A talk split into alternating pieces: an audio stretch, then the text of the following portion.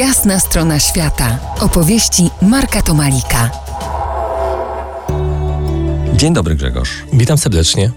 Grzegorz Brzozowski, absolwent Mistrzowskiej Szkoły Reżyserii Filmowej Andrzeja Wajdy, studiował socjologię, psychologię i reportaż w Polsce, Holandii i Stanach Zjednoczonych Ameryki. Obecnie pracuje nad doktoratem w Instytucie Socjologii Uniwersytetu Warszawskiego. Jest redaktorem portalu Kultura Liberalna. Grzegorz, tematem dzisiejszego spotkania jest couchsurfing. Popełniłeś bardzo ciekawy dokument filmowy w tym temacie. Film nazywa się Obcy na mojej kanapie. Ten film będzie nam się wyświetlał w czasie naszej rozmowy nie raz, ale zaczniemy od zdefiniowania couchsurfingu. Większość e, z nas pewnie wie, co to takiego, część praktykuje. Przyznam szczerze, że nigdy nie testowałem couchsurfingu, tym chętniej o tym porozmawiam i posłucham.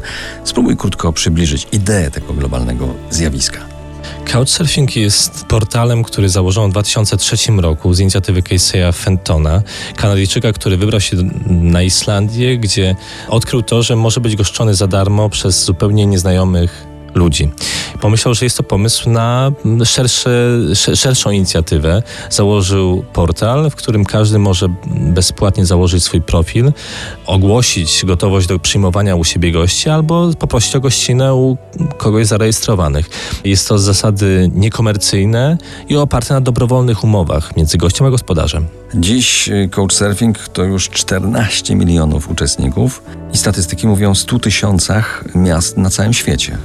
To prawda, skala zjawiska jest olbrzymia. W samej Warszawie mówi się o 72 tysiącach profili, w Polsce 470 tysiącach.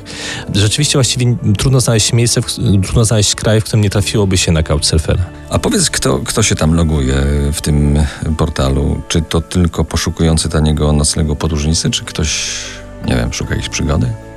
Oczywiście motywacji, które skłaniają ludzi do korzystania z tych sieci jest, y, jest bardzo wiele.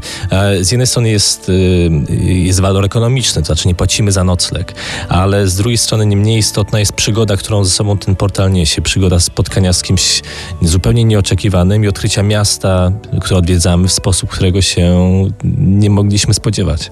Couchsurfing ma bardzo wiele odcieni i też nikt nie jest obligowany do przyjęcia określonej, określonej postawy wobec niego. Jest to na, na zasadzie dobrowolności. Za niejaki kwadrans wracamy do tematu couchsurfingu.